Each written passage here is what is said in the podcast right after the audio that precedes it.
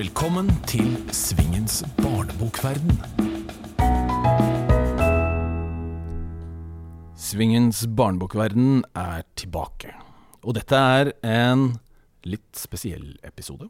For denne gangen har jeg nemlig besøk av to søstre, som begge er illustratører og forfattere. Og vi eh, skal begynne med den som er både eldst og har bokdebutert først. Så vi skal begynne med deg, Gry. Ja, Velkommen. takk for at du vil komme. Jeg ser at en del har forsøkt å beskrive din tegnestil. Noen eh, snakker om at den er vilter og fargerik. Jeg har sett noen skrive den er hypernaivistisk og barnlig, og ikke ulik barnetegninger. Hvordan vil du beskrive din egen stil? Ja, jeg tror Av og til så er jeg beskrevet som eh, naivistisk ekspressiv. Det kan jeg beskrive som. Um, men det er, så, ja, det er mye barnetegninger i det. Og det er spesielt i 'Bukkene Bruse', men det har jo ikke alltid vært sånn. Det er jo den boka. Um, men da brukte jeg jo eh, barnetegninger som uh, underlag for figurene. Lasta de ned fra nettet og prøvde å herme så godt jeg kunne. Fordi at det er en stor forskjell på det å være et voksen som prøver å tegne som et barn. Da blir det bare litt barnslig, men det blir ikke på samme måte som hvis man virkelig prøver å tegne som et barn. Vi skal jo selvfølgelig komme tilbake til Bokne Bruse-bøkene. Men du har altså gått på skole, du. Du har eh, utdannelse fra Uppsala. Du har gått i London, du har kunst og håndverk i eh, Oslo. Eh, hvor viktig vil du si at utdanningen din er for den tegnestilen du har i dag? Egentlig ikke i det hele tatt. Faktisk. Altså Det man gjør når man er der, det er at man prøver ut, man prøver å bli flinkere på å tegne.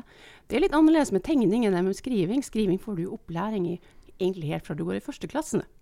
Men ikke tegning. Så du begynner på en måte Du kanskje er veldig flink til å tegne, men du begynner egentlig helt fra scratch. Og begynne å lære det med perspektiv og skyggelegging og alle de tingene der. Og så prøver man å bli flink på det. Men etter jeg var ferdig med grunnskolen, så var jo ikke det så interessant, egentlig. Så det var egentlig da jeg begynte å utvikle det som ble min stil, kan man si. Og så er det selvfølgelig mest eh, kollegaer og, som man inspireres av. Ja, for man influeres jo av eh, både personer og andre tegnere. Og gjør man det også av steder? Jeg tenker på at Du har jo f.eks. bodd veldig lenge i Berlin. Ja, jeg har tenkt litt på det. Jeg er ikke så sikker på det. Det er én ting som jeg tror helt sikkert har påvirka det. Er det at jeg bodde jo der nede, men jeg hadde jo ikke kollegaer på samme måte som jeg ville hatt hvis jeg bodde i Oslo. Så jeg var veldig fristilt. Det var, bøkene kom ut, men eh, det var liksom ingen som jeg pratet med, som så dem. Så jeg følte egentlig jeg kunne gjøre helt hva jeg ville. Um, jeg kjenner litt mer nå når jeg flytter tilbake, at jeg tenker litt mer på at oi, nå kommer mine kollegaer til å ha en kommentar eller se dem med en gang, og kanskje det ikke er bra. Så det var en veldig positiv ting med å bo i Berlin, at jeg følte meg veldig fri. Du skriver jo også noen egne bøker, men ikke så ofte. Det kom en da i 2008, en i 2011 og en i fjor. Bruker du veldig lang tid på dem, eller er det noe du nedprioriterer, eller hvordan er det du jobber med det?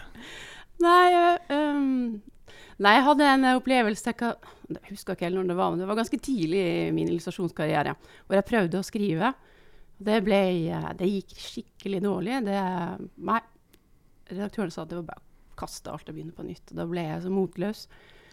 Men så, eh, så fikk jeg lyst til å prøve igjen, da. Um, men der ble jo teksten veldig, veldig kort. Uh, og i boka etterpå ble den enda kortere. Uh, så det var jo ikke det at det tok lang tid. men uh, var den siste, da, som jeg også holdt på med lenge. Det er litt lengre tekst, da. Jeg tror rett og slett det at det var sånn at uh, når jeg får en tekst fra en forfatter som jeg vet er god å skrive, så stoler jeg på at teksten, selv om ikke bildene kanskje blir helt perfekt, så er i hvert fall teksten god nok. Mens når jeg skriver sjøl, så jeg tviler jeg så på teksten at jeg tenker at bildene må være dobbelt så gode som vanlig. Ja, for i eh, fjor så kom du også med boka 'Tre biler og en død katt'. Mm. Og jeg mener jeg har snakket med deg, og så har du sagt at her tegner du om igjen og om igjen og om igjen. Mm. Og det gjorde du da særlig med den. Ja. Men er det sånn at du da har veldig mange eh, versjoner av hvert eneste oppslag? Veldig mange. Men jeg gjør det egentlig bestandig. Mm. jeg jobber såpass direkte at det, det er ikke noe snakk om at jeg tegner opp en eh, først skisse med blyant, og så legger på en tusj, og så begynner fargelegge og bygge det opp.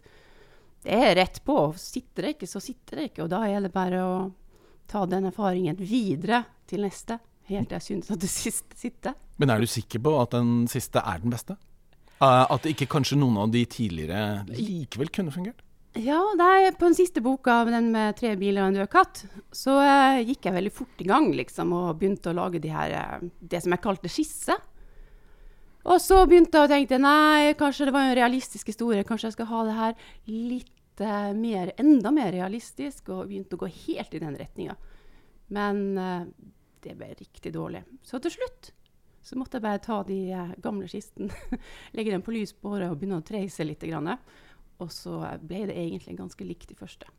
Det er litt uh, trist å tenke på med tanke på hvor mye tid som gikk bort på det. Men sånn er det.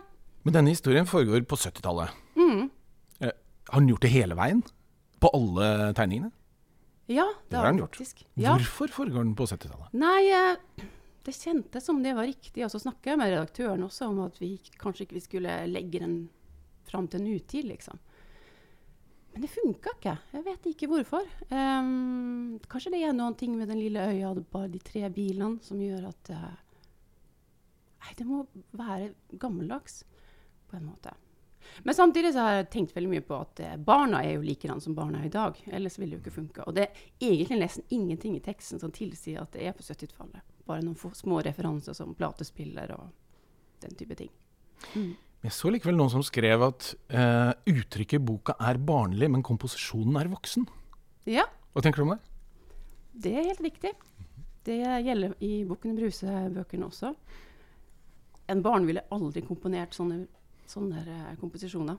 Så der har jeg selvfølgelig mye erfaring og lært mye fra kunstskolen. Ja, ikke sant? Nei, jeg jobber veldig mye med komposisjonene. Så det er ganske tilsynelatende barnslig, egentlig. Det var Og- faktisk en morsom uh, ting. Da. En, en dame som en gang sa til meg hun hadde lest uh, bøk, om Bruse for, for barn i barnehagen. Men hun kunne ikke fatte og begripe noe. Hun begynte å bla baki hvem det var som hadde tegnet tegningen. Hvorfor ikke navnene til alle barna sto opplista baki? Det var jo litt urettferdig, syns hun. Ja, la oss snakke litt om uh, Bukkene Bruse-bøkene. Nå har det blitt eh, tre stykker. Ja. Og det har jo blitt en eventyrlig suksess. Mhm. Hva tenkte du da du holdt på med den første? Var det ah, dette kommer til å slå an. Nå har vi funnet en stil og noe som kommer til å bli noe helt spesielt. Uh, nei, ja, jeg syns det var en kjempemorsom historie. Ja. Jeg hadde veldig tro på den. Men uh, da jeg begynte å illustrere, så så det jo helt annerledes ut. Uh, og så er det jo sånn at som illustratør du får eh, 50 000 for å illustrere en bok. Altså Legger du ikke noe ting som gir deg sjøl noe i deg, så er det ganske meningsløst. og her tenkte jeg egentlig bare at jeg skulle ta og dra det her det med barnetegninga litt lengre enn jeg hadde gjort før. Så det var et, egentlig et eksperiment for meg. Jeg hadde ingen uh, tanker på at det her skulle bli kommersielt. Bare kjøre på på min egen del, liksom. På ting som jeg syns ble kult. Mhm. Men nå som du da eh, har gjort uh, nummer tre, er det like spennende for deg å tegne nummer tre som det var å finne stilen på nummer én? Nei, det er det selvfølgelig ikke. Men uh, fordi at uttrykket er der. Figurene er der. Uh, det handler egentlig mest om å prøve å herme etter de to første. På den andre siden så uh, syns jeg det er veldig deilig også å vende tilbake til de her bukkene. Jeg er veldig glad i dem. Og glad i troller også. Jeg liker å tegne dem. Jeg liker å se hvordan jeg tegner dem i nye situasjoner. Hvordan reagerer, uttrykk og den typen ting. Så jeg har veldig stor glede av å tegne dem fortsatt. Og det er et behagelig sted å være, faktisk. Nettstedet Periskop har skrevet om eh, boka 'Det ser rett og slett ut som barnetegninger'. Kanskje til og med tegnet av en hel klasse i fellesskap. Dette var jo du innom. eh, innom. Helt ned til det linjalrette perspektivet og den viltre gleden i kollasjen og sterke fargeeksplosjoner. Likevel er det en indre logikk og sammenheng i sidene og komposisjonene som viser at det ligger solid kunnskap bak de tilsynelatende enkle tegningene. Mm, Det er jo eh, godt beskrevet, det. det er godt beskrevet, det. Ja, nesten Ja. så du skulle sagt det Jeg selv. jobber veldig med å få ting til å se enkelt ut. Jeg vil at det skal se ut som det var bare kommet i en rush. Kjempefort, og ingen viskelær bare rett på. Men eh, det er ikke sånn. Jeg bruker grusomt lang tid. Men har du inntrykk av at denne type tegninger appellerer mer til barn enn f.eks. Uh, Død katt-historien, som eh, er en litt annen tegnestil? Det vet jeg faktisk ikke. Det er vanskelig å si. Altså, eh, den kattehistorien er jo for litt eldre barn. Um, nei, jeg vet ikke. Det er vanskelig å si, men jeg tror kanskje barn sy syns også at det er litt fine tegninger. Eh, jeg vet ikke. Klarer du å, på en måte si hva du falt for i teksten til Bjørn Rørvik i de bøkene? Altså, Nå var jeg jo på en måte med når det hele begynte, da. Men den historien har Bjørn fortalt. Um, så jeg var på en måte med helt i begynnelsen. Men det som jeg syns Bjørn er veldig god på, er å skrive replikker som sitter, og som er morsom. Og så um, Han beskriver veldig lite. Det meste ligger i replikkene. Så jeg står veldig åpen til uh, hva jeg vil tegne. Skriver aldri farge og den type ting. I eh, disse programmene så har vi jo da gjestespørsmål. Og jeg har fått inn et gjestespørsmål fra illustratør Kari Grossmann. Ja? Og hun skriver Bildebøkene om Himmelkua, Arkimedes eh, med fler, helt til Bukkene Bruse, har en utrolig god match mellom tekst og bilde. Det ser ut som du går løs på enhver tekst med en sjelden sprelsk glede. Eller er du bare heldig med forfatterne? Ja, det er vanskelig å si. Jeg har vært heldig med forhatene. Absolutt. Jeg har stort sett eh, illustrert veldig fine historier. Um, men uh, det som jeg gjør hver gang jeg får en, eh, en tekst, det er å finne ut hvordan jeg kan snirkle inn en egen historie. Og um, det jobber jeg veldig mye med. Jeg skisser veldig nøye og leter hele veien. Det kan være bifigurer eller ja, en, en egen historie, ellers er det ikke noe morsom. Jeg tenker egentlig mer når jeg illustrerer, så forteller jeg mer enn å tegne. Det er det viktigste. Det er fortellingen. Men betyr det at det er vanskelig for deg å illustrere skal vi si, eh, tekstbøker? Kontra det å gjøre bildbøker, hvor du har selvfølgelig større frihet, fordi det er mindre som eh, tvinges på deg i teksten. Tekstbøker, da mener du eh, Da sånn mener jeg illustrerte bøker? Illustrerte bøker. Ja. Der kan jo man jo være ganske fri også, men jeg har gjort veldig lite av det. Det gir meg ikke så veldig mye. Jeg føler at bildeboka er perfekt for meg, fordi det, det er nesten som en film. Og jeg ser alle tekstene som en film først. Går du noen gang aktivt ut og finner eh, forfattere som eh, Du har veldig lyst til å samarbeide med deg, sier du f.eks. på en fest til en eller annen. Gjør du sånn? Nei, det har jeg faktisk ikke gjort. Har ikke gjort det? Alle har kommet til deg som en eh, forespørsel om du vil illustrere dette. Mm. Og mange har jeg jo jobba med flere ganger. Mm. Mm. Em, når du ser på en uh, bok som uh, du enten har illustrert eller laget selv, i etter utgivelsen, og du snakket jo om at du gjorde ting om igjen mange ganger, er det sånn at du da setter deg ned og tenker Nei, søren, jeg skulle tatt én runde til? Gjør du det? Ehm, ja, av og til. Men samtidig så er det Så har jeg en periode jeg, på slutten av boka når jeg skal gjøre den ferdig. For jeg jobber på alle bildene samtidig. Og det er så slitsomt. Og egentlig har jeg en periode da hvor jeg egentlig jeg gir opp. Jeg sier at det her får, jeg får det ikke til. Det blir ikke sånn som jeg drømte om. Så uh, nå gir jeg opp. det får det bare være. Så en, på en måte er jeg egentlig ferdig da. Og fornøyd blir jeg selvfølgelig aldri etterpå. Det er, sånn er det bare. Aldri med noe. Det hender ikke at du tar opp et oppslag og tenker Fy søren, det her var jo bra. Det her lykkes jeg skikkelig. Etter noen år. Etter noen år. Ja, jeg syns jo de Mm. eldste bøkene har gjort, det beste. Men det er alltid sånn, du må få det litt på avstand. Mm. Men du, du nevnte jo tidligere at du, eh, man blir jo influert av andre illustratører. Mm. Er det spesielle illustratører du har blitt eh, influert av? Altså Ofte så prøver jeg ikke å se så veldig mye på andre illustratører. For det Mhm. blander seg liksom litt inn i hva jeg sjøl holder på med, og begynner å lure Oi, har jeg herma eller noe sånt? Eller plukka opp noen ting. Men eh, jeg har en illustratør som heter Myra Calman, og er amerikansk, som eh, har sett mye på. Jeg syns er veldig flink. Jeg gjør ikke det noen ting som ligner på henne, men hun har inspirert meg. Og så er det Eva Lindstrøm i Sverige, som er veldig glad i hennes bøker. Syns jeg er helt fantastiske. For du sitter vel også i et sånt uh, fellesskap med andre illustratører. Mm. Blir ikke det også en liten Blir det en inspirasjon, eller blir du litt influert av de du da faktisk sitter sammen med? Du kan ikke unngå å se på hva de holder på med. Jo, men da blir det jo litt sånn at jeg tenker, å, jeg skal i hvert fall ikke bli influert av den. Det? blir altfor nært. Men uh, vi har jo alle hvert sitt rom. Uh, og det er en stor korridor og ca. 20 stykker. Og mange av dem er malere og tekstilkunstnere og, ja, og noen illustratører og tegneserietegnere. Mm. Men det er veldig fint å ha det fellesskapet. Treffes. Så kan vi diskutere ting som har med jobben vår å gjøre. Mm. Det er selvfølgelig farlig å spørre en uh, illustratør om dette, men hva vil du si om nivået på illustratører i Norge i dag? Jeg syns det er veldig bra. Uh, jeg skjønner ikke hvorfor det skulle være så farlig. Nei, jeg syns vi har veldig mange flinke illustratører. Det, vel, eh, det var jo ikke noe overraskende svar, for så vidt. Det var,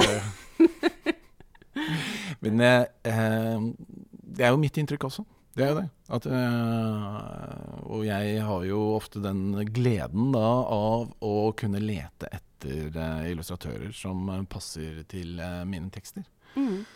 Og da syns jeg ofte det er veldig, veldig mange gode å kunne spørre. Mm. Det må jeg si. Og det syns det blir stadig flere. Merker du eh, større konkurranse? Um, nei, Eller merker man konkurransen i det hele tatt? Jeg tror ikke det. Eller Nei. noen kanskje gjør det. Kanskje hvis du er helt fersk. Etter hvert når du har jobbet en stund, så får du liksom li din greie, da. Uh, tror jeg. Hva med akkurat nå? Sitter du da bare og sjekker hvordan eh, bankkontoen øker fra Bukkene Bruse-bøkene, eller holder du faktisk på med andre ting? Jeg holder på med andre ting. Jeg holder på å gjøre ferdig en bok som skal ut i Sverige. Og så har jeg tenkt eh, Ja, som du sier, det er klart Jeg tjener litt ekstra på Bukkene Bruse. Så eh, neste år har jeg tenkt å prøve å skrive igjen, da. En egen bok. Skal ta meg tid til det, faktisk. Er vi da tilbake på den lille øya så hvor du vokste opp? Om vi er tilbake? Eh, Kanskje, kanskje ikke. Den tok jo veldig lang tid. Kanskje det hadde vært fint med noe som gikk litt fortere. Mm. Få se. Jeg har eh, spurt deg, som de andre gjestene, om en liten forfatter- eller illustratør-anekdote. Ja. Fordi vi er jo fortellere. Så uh, nå er jeg spent på hva du har å ja, by oss. ja. Det er jo ikke så lett å komme på noe. Og jeg har jo ikke vært ute og turnert så veldig mye heller. Men um, jeg kan ta en fra da jeg var, prøvde å etablere meg som illustratør. Jeg fikk jo veldig lite oppdrag. Det var ganske lite penger og ganske trist og sånn. Eh, og jeg hadde deltidsjobber, og etter hvert så fikk jeg jo illustrert to bøker. Men da hadde jeg også spart meg opp litt penger, så jeg kunne reise til Berlin et halvt år. Og så var det en eh, kveld vi hadde noen tyske venner på besøk. Og så var det en av dem som fikk se den siste boka som jeg hadde illustrert. Og spurte om jeg kunne få den, og vise det sin professor. Han, på, eh, han var professor på grafisk design et sted lenger sør i Tyskland. For han trodde at han var ute etter en ny illustratør. Han skrev litt. Og noen uh, uker etterpå så fikk jeg en telefon, og en mann som sa at han heter Werner Holstvart. Det er han som har skrevet historien om den lille muldvarpen som fikk en bæsj på hodet. Og jeg sa at uh, han ville treffe meg, og jeg sa selvfølgelig, liksom. så traftes vi på en kafé, og jeg var litt sånn starstruck, tror jeg. Og, um, men insisterte likevel på at selv om jeg var veldig dårlig i tysk, så skulle jeg fortsette å bare prate tysk med han, sånn at han kunne forstå at jeg kunne forstå hans tekster. Noen ting som jeg selvfølgelig ikke gjorde da, men ja. Men han fortalte det at han hadde jo selvfølgelig en uh, ny muldvarphistorie. Men illustratøren hadde funnet ut at han skulle begynne å skrive sine egne bøker. Og hadde dessuten solgt selve figuren, altså muldvarpen, mer eller mindre som et maskot til Deutsche Bahn. Så nå trengte han en ny illustratør. Og jeg tenkte jo helt perfekt. Smilte sikkert kjempemasse, og han så sikkert hva jeg tenkte. Eh, og sa at eh, nei, nei, han trodde aldri han kommer til å skrive en sånn monsterhit igjen. Bare så jeg visste det. Men jeg fikk to manus av han som jeg skulle lage skisse til, så han skulle vise for noen forlag. Um, og jeg, det var kjempemorsomme, helt ville historier. Helt perfekt, tenkte jeg for meg. Og jeg satte i gang og skissa og gjorde det som jeg mente jeg kunne best. Å være skikkelig ekspressiv og ta det veldig ut i svingene. Og sendte skissen til han, og han likte det. Men uh, ja, så gikk, skulle han gå til forlag, da. Han dro til flere, tror jeg. Fikk en mail seinere at uh, Nei, det kunne dessverre ikke bli noen ting, fordi at uh, det var ingen forlag som ville gi ut de bøkene med den illustratøren. Det var bare altfor mye. De hadde til og med sagt at det var rett og slett brutalt. Og selvfølgelig så når jeg begynte å titte mer i uh, tyske barnebøker, så skjønte jeg jo at det ikke passa inn i det hele tatt. Men jeg ble værende i Berlin i nesten 13 år. Men uh, jeg fikk aldri helt motet til å gå til et tysk forlag etter det. Men har noen av de norske bøkene dine kommet ut på tysk i ettertid? Ja, 'Bukkene Ja, Bruse' ja. på Badeland kom ut nå i vår. Mhm. Mm. Så endelig. Men kom disse Muldvarp-bøkene ut med en helt eh, en vanlig tysk illustratør? Nei, det var ikke Muldvarp-historien. Det var ja, okay. andre andre historier. Da skal vi få inn uh, din søster her i studio. Så da skal vi få Gild til å uh, sette seg her. Og um, jeg har jo da fått inn en del uh, gjestespørsmål til denne sendinga. Og gjestespørsmålene går jo da primært på dere begge. Så jeg har lyst til å Ja em, Er jo egentlig mest til deg, sier jeg, fra illustratør Karin Grossmann, som eh, skriver når en lager bildebok, er det redaktør, eventuelt forfatter eller kollegaer kanskje å forholde seg til. Dere er to nære og dyktige søstre i faget. Gir det rom for annen type innspill mellom dere? Jeg syns det skal gå til begge. Ja, vi snakker jo om eh, prosjektene vi jobber med, men eh, vi jobber jo ikke veldig nært. Veldig. De, vi jobber ikke nært, men samtidig så kjenner jeg selvfølgelig Gild så veldig, veldig godt. At uh, er det noen, Hvis jeg lurer veldig og ikke vil vise dem til noen kollegaer jeg kjenner mindre, så er det jo veldig trygt å vise det til Gild. Og så stoler jeg på at Gild bruker å si det som hun mener. Mm. Så jeg tror mest at vi kanskje bruker hverandre litt sånn når vi er i tvil og Det er jo skal. mest på illustrasjon iallfall, ja. Ja. Det er veldig lite tekst vi snakker om, egentlig. Mm. Ja, for nå sa dere jo litt eh, positive ting, så jeg syns vi skal gå rett til det neste gjestespørsmålet. Det er fra forfatter Konstanse Ørbekk Nilsen. Og eh, hun spør Har dere noen gang opplevd at det å være to søstre som arbeider og eksponerer seg innenfor samme felt, har gitt relasjonen deres noen utfordringer som har vært eller er krevende? og om så, på hvilken måte? Og hvis ikke, hvorfor det? Nei, jeg syns vel egentlig ikke det. Altså, vi er jo ikke Det kommer jo an på om man skal tenke på hverandre som konkurrenter. Men jeg tenker jo aldri på Gry som konkurrent. Hun er jo søstera mi, først og fremst. Så Nei, jeg vet ikke. Hva sier du, Gry? Altså, jeg tror egentlig at det jeg, tror kanskje det er noen ting som man prøver å ikke tenke på i det hele tatt. Det blir bare tull. Um, men det er klart Vi er jo søsken. Men alle søsken har jo greier, liksom. Altså, det kommer vi jo ikke unna. Uh, men jeg vil ikke si at det er noe mer enn vanlig fordi at vi har samme jobb, liksom. Altså, at man Merker du på noen måte at du er eh, lillesøster? At hun er eh, Hun har jo Dere er bare to år mellom dem, dere? Stemmer ikke det? Ja. Jo. Så det er jo klart at uh, hun har vel drevet og hersa litt med deg opp gjennom uh, årene? Hun ikke det? Jo, det er jo fort gjort kanskje at uh, jeg føler at Gry forteller meg at ting er sånn og sånn, selv om jeg mener at det egentlig var på en annen måte i utgangspunktet. Eh, Fra barndommen, ja. ja, han kan fortsatt være sånn kanskje litt sånn ja. innimellom. ja. Eh, kan sikkert stemme. du kan sikkert Altså, vi har jo en lillebror også, og jeg ser jo at jeg selv kanskje innimellom tenker at uh, ja, ja, jeg er jo storesøster tross alt, så jeg vet dette bedre enn deg. Og da kan jeg jo tenke meg at Gry kanskje har det litt sånn med meg, da. Og det Men det er jo egentlig helt idiotisk, spesielt i dag, da, fordi at det er bare to år mellom meg og Gild. Og så er det bare ett år mellom Gild og broren vår. Mm. Så vi er jo Men det er klart, er de rollene der sitter jo sikkert inn, litt inne resten av livet. Nå er vel ikke broren deres illustratør, men begge dere er det. Er, har dere da vokst opp i et eh, hjem hvor det ble tegnet konstant? Eller er dette noe Snakker vi tilfeldigheter her? Det var mye tegning. Mamma satt jo og tegna veldig mye, og da tegna jo Gry, og da måtte jeg også tegne. For det, det var liksom det vi gjorde. Men broren vår tegna jo ikke så mye, da, så det var jo mulig å slippe unna. Mm. Men eh, det var mange timer vi satt og tegna, både som barn og ja, tegna hele tiden, egentlig. Hele livet. Det.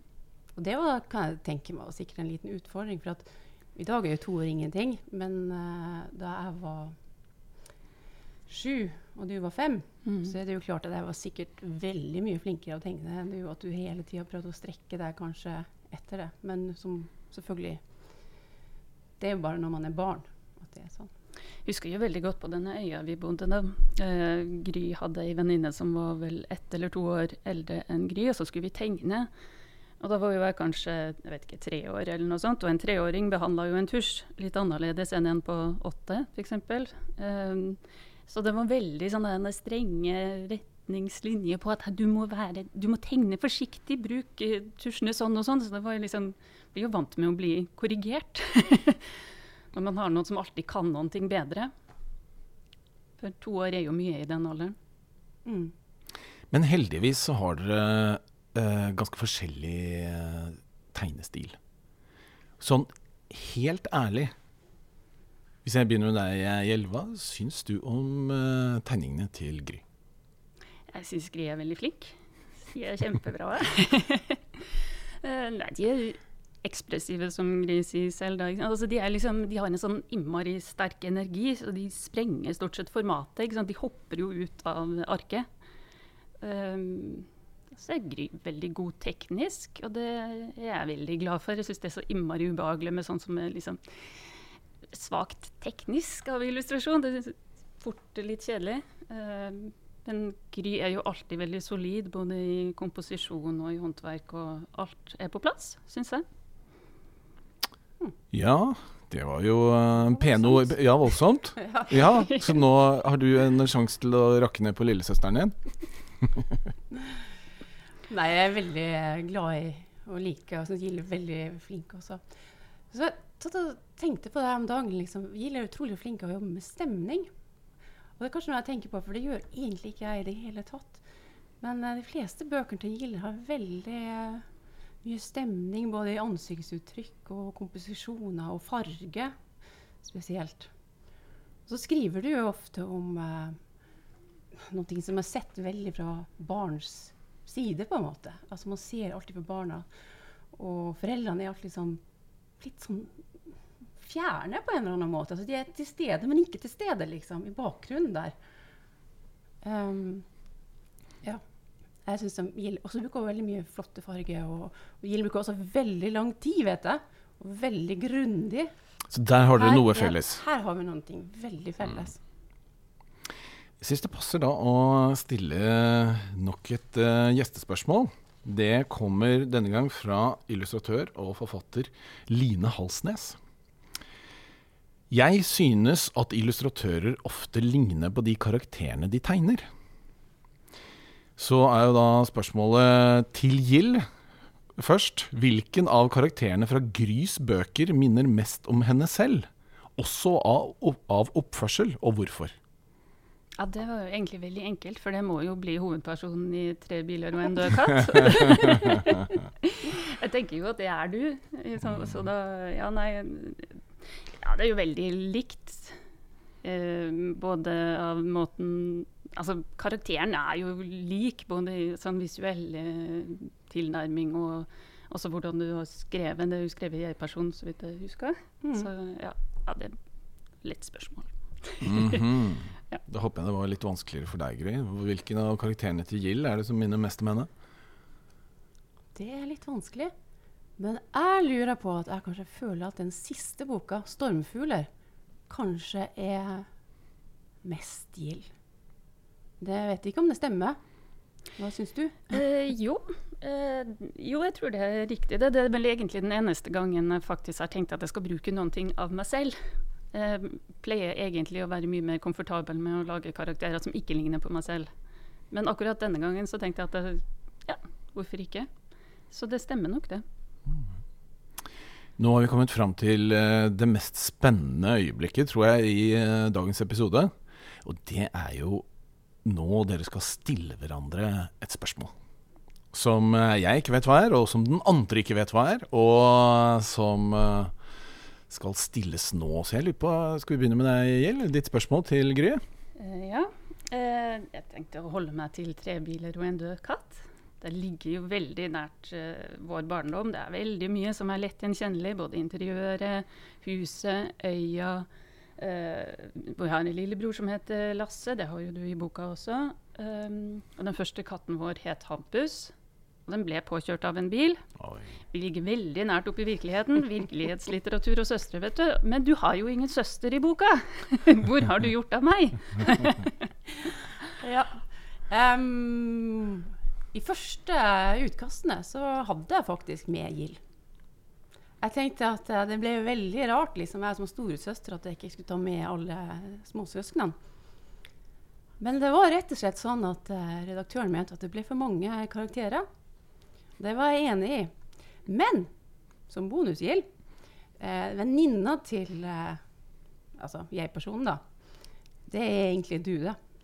Ja, det var godt å høre. Ligner jo på deg Så også. er likevel, eh, Så du med, er faktisk med.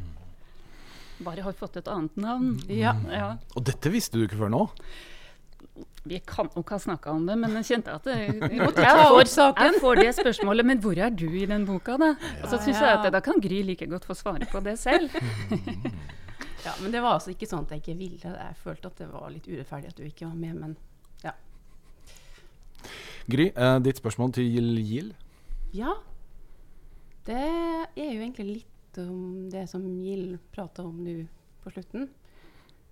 Ja, det er rett og slett eh, Hvor mye er det av lille Gild i Gilds bøker? Av Lille Gild, hva mener du? Altså, Ja, den boka den du var eller, altså, den. Av meg? Å, guri. Uh, ja, er det noe i det hele tatt? Tenk, tenker du at det er det? Nei, eh, jeg på. Jeg bruker gjerne meg sjøl eh, i mine bøker. Jo, men det, var- eh, også- den uh, 'Stormfugler', den siste boka mi, da, Mm. der har jeg jo brukt en del fra min egen barndom. Men det er jo også egentlig den eneste, tror jeg. Eh, jeg flytta jo, eller vi flytta jo, da jeg var seks og du var åtte. Eh, og det, denne boka handler jo om flytting. Så, å komme til et nytt sted og ja, være litt sånn utenfor til å begynne med. Forhåpentligvis arbeide eller komme inn i det, men eh, trenger jo ikke å være lett. Så akkurat det har jeg faktisk brukt litt av i 'Stormfugler'. Mm. Men det er vel kanskje den eneste som eh, Ja, jeg tror ikke det er noe annet egentlig jeg har brukt av min egen barndom. Mm. Mens jeg har dere her begge to, så har jeg lyst til å stille et spørsmål som uh, kanskje er litt vanskelig, men samtidig lurer på om dere har uh, veldig forskjellige svar på. Og det er hva er egentlig en god illustrasjon for barn? Den var ikke lett, altså. Um, Må det være akkurat for barn? Nei, altså Det er jo lett å svare på hva som er en god illustrasjon, eller Ja, eh, jeg sånn generelt. Men jeg vet ikke. Altså, hvor mye skal man tenke på hvem man uh, retter seg mot? Så det du sier, er at du ikke tenker så mye på det. Nei, jeg tenker ikke nødvendigvis alltid så mye på det. Nei, jeg gjør ikke det. Hva med deg, Gry? Tenker du på det? jeg tenker veldig mye på det. Mm. Jeg um, tenker hele tida på at barn skal se bildene, liksom. Og, men jeg må like det sjøl også, selvfølgelig. Men jeg tror, for, altså, sånn som jeg tenker, så tenker jeg at det må være noen slags eh, blikkontakt. Det må ikke være at figuren ser på deg, men det må være noen ting som bare trekker en inn på samme måte som man har blikkontakt med mennesker. Tenker jeg. Så du Gild, er mer på at uh, illustrasjonene dine skal være universelle, det skal uh, fungere i seg selv, men du tenker ikke så mye på mottakeren? Er det riktig? Jeg tenker jo på mottakeren. Altså, jeg vi har jo lang utdanning i dette her, og man tenker jo selvfølgelig veldig mye på målgruppa. Eller vi blir jo drilla i det. ikke sant? Altså, vi har jo utdanning fra grafisk design og illustrasjon, og da, du tenker jo på det. Så det ligger jo underbevisst der hele tida. Men eh, altså, barn er jo så innmari ulike. Mine barn forteller meg jo det stadig vekk når jeg prøver å teste på dem. Ja, hva liker du? Ja, men så svarer de jo sånn helt opplagt at ja, men selv om jeg liker det, så trenger jo ikke det å bety at noen andre liker det. Barn er ulike. Så det som treffer én, treffer ikke nødvendigvis alle. Og det er ikke sikkert at man eh, skal eller trenger å treffe alle til enhver tid heller. Da blir det jo helt sånn utvanna og utvaska, og det blir ingenting igjen. Det syns ikke jeg er så veldig interessant å jobbe med.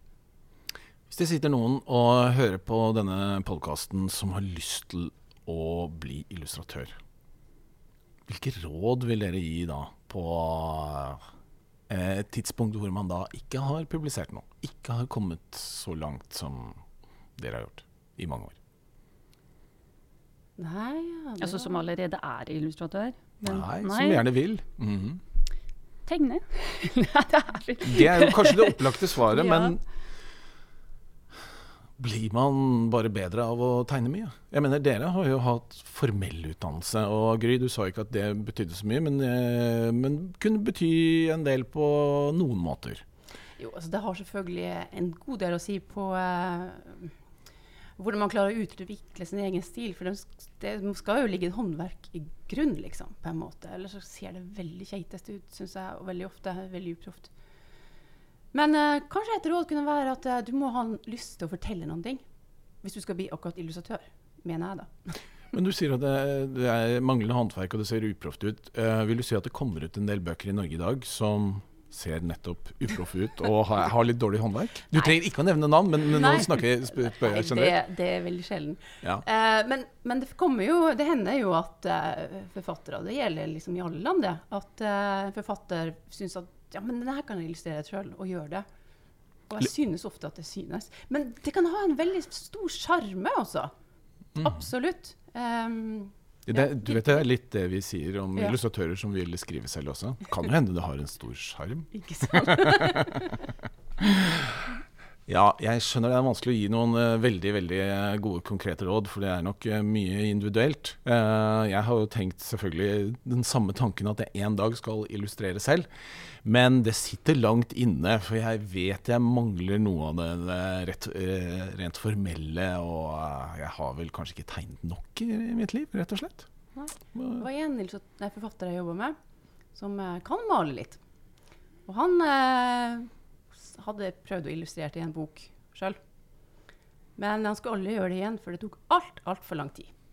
Rett og slett. Han gidda ikke. Veldig bra uh, og hyggelig å ha deg her, uh, Gry. Mm. Tusen takk for at du kom. Nå skal vi da ba bare konsentrere oss om uh, din søster. Så Ja, Gild, du har jo da skrevet flere bøker enn storesøsteren din Ja. selv. Det har du gjort. Uh, betyr det at det faller deg mer naturlig? Tror du? Å skrive. Mm -hmm. uh, hadde jo egentlig altså Da jeg gikk på videregående, så var jeg jo egentlig fast bestemt på at jeg skulle gjøre et eller annet som var med å skrive.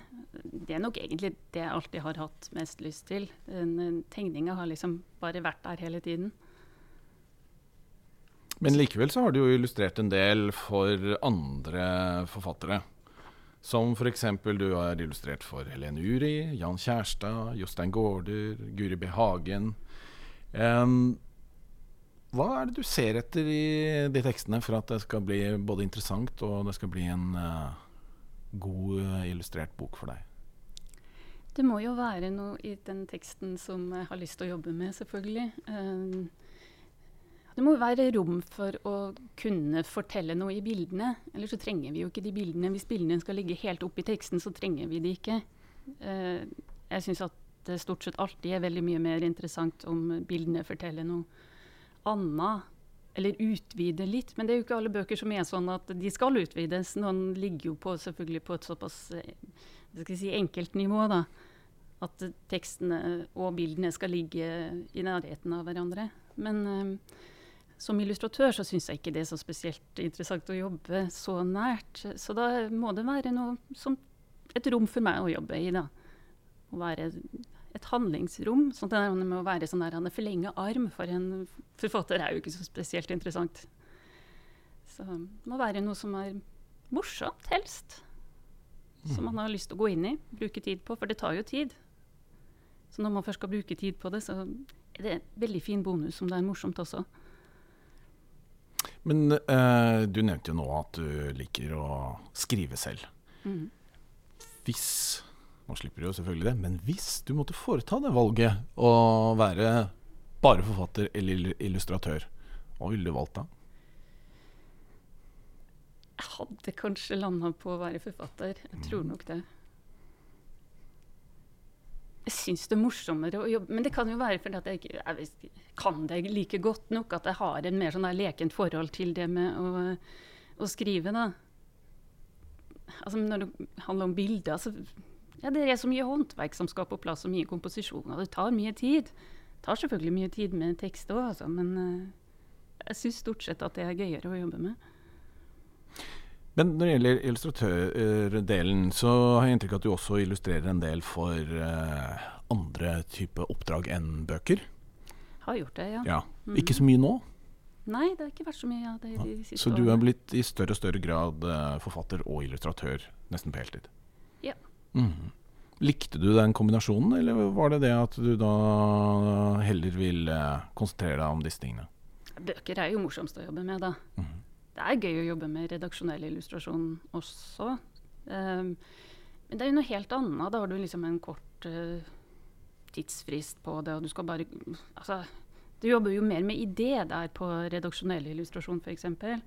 Um, jeg syns det er gøy å jobbe med en helhet. Det der med å ha en serie der det ene bildet har mye å si for det som kommer uh, fem, seks, sju, åtte oppslag bak. ikke sant? Og så legge inn ting uh, Legge inn uh, hva skal jeg si, hint om hva som kommer. Og, nei, det er morsommere å jobbe med i serie, jeg tror det er det. Det der med å jobbe bilder i serie, det der med å kunne tenke film.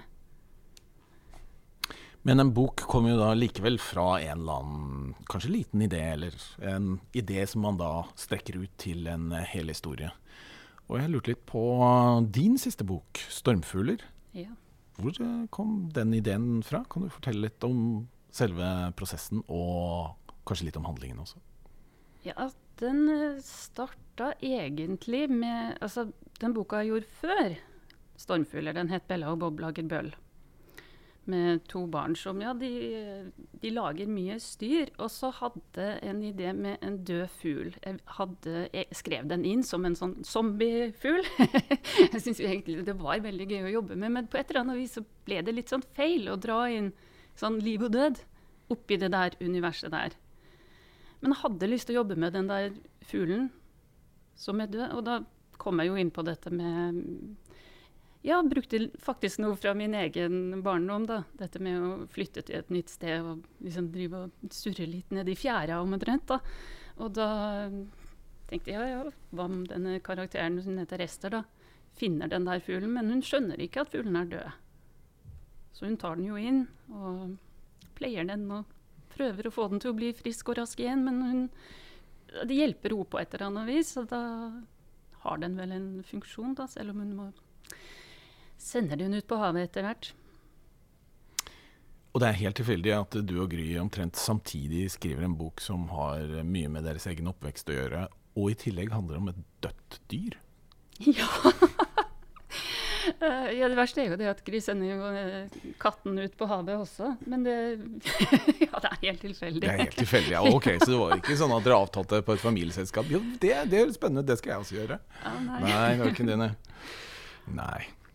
For før det eh, skrev du da om Bella og Bob. Du kan godt fortelle litt om dem, men eh, det jeg også lurer på, er at her virker det som det er grunnlag for eh, personer vi skal eh, møte igjen i eh, ganske mange bøker etter hvert. Eller det er bare min eh, personlige teori. Ja. Jo, men jeg hadde jo tenkt det som en serie, da. Mm. og det er ulempa med å illustrere selv, fordi at uh, den siste boka mi er jo ganske ulikt uttrykk i. For jeg, altså jeg blir så rastløs jeg, hvis jeg holder på med det samme uttrykket hele tida.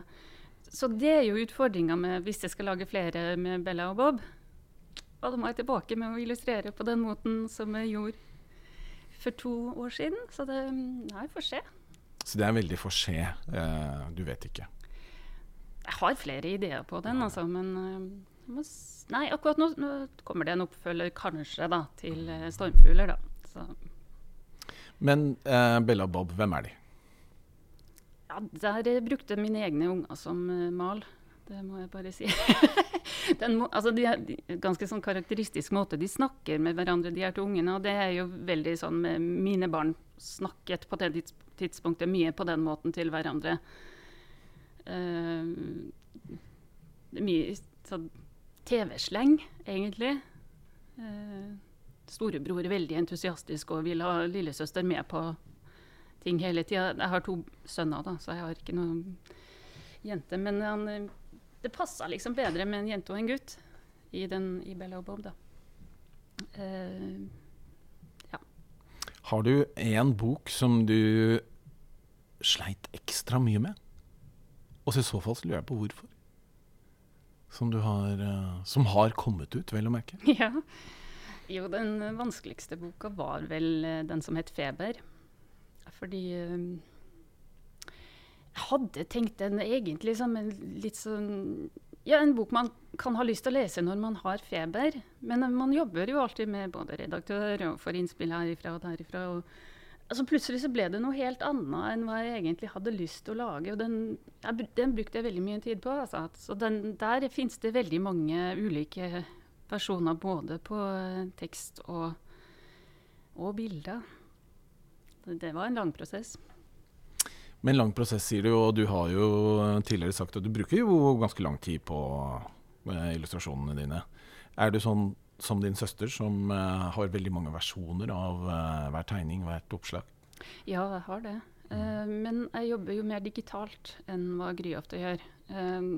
Så når jeg skjønner at å, nå kan det være at det ødelegger hele greia, så, så veldig godt å bare kunne skanne, og så har jeg den, så kan jeg gå tilbake til den. Så det er vel kanskje litt sånn tidsbesparende, kanskje i forhold til Gry sin måte å jobbe på, da. Er det den grafisk design-bakgrunnen din som gjør at du jobber mer digitalt?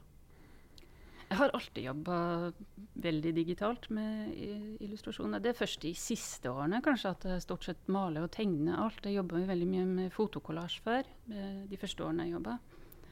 Uh, rett og slett fordi at jeg egentlig ikke likte så veldig godt å tegne. Det er selvfølgelig dumt å være illustratør og ikke like å tegne, men uh, da var liksom kollasje en sånn fin måte å slippe å sitte og tegne hender og ansikter og øyne og greier på. Så, um, men nå syns jeg det er morsommere å jobbe med det håndverket, da. Så jeg må ha et eller annet i tillegg. Det må være noe sånt Se på hvordan akkurat den ene blyanten funka på akkurat det arket, og hva skjer hvis man begynner å viske ut oppå der? Liksom, sånn skikkelig sånn nerdegreier. men, men det er gøy. Jeg stilte jo dette spørsmålet til Gry også. Hvordan er uh, forholdet ditt til ferdig bok? Du ser illustra uh, illustrasjonene, du vet at nå er det for sent å gjøre en ny versjon. Ja, nå det er, er vondt. Er det vondt? Ja, det er fælt.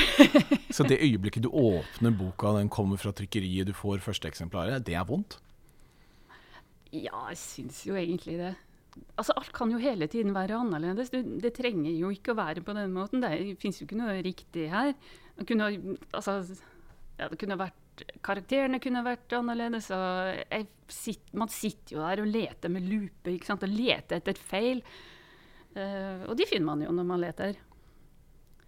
Så, men akkurat på den siste boka mi, 'Stormfugler', så fikk jeg bruke så mye sånn materialer og papir og sånt. noe som ga en, sånn der, en liten sånn ekstra effekt. som gjorde at akkurat den syns jeg faktisk var veldig morsom å se. Men det er nok første gangen jeg egentlig har opplevd at det var morsomt å se min egen bok. Men det var fordi at eh, ja, det er jo smussomslag og greier. Og sånn som, å, det var sånne ekstra effekter.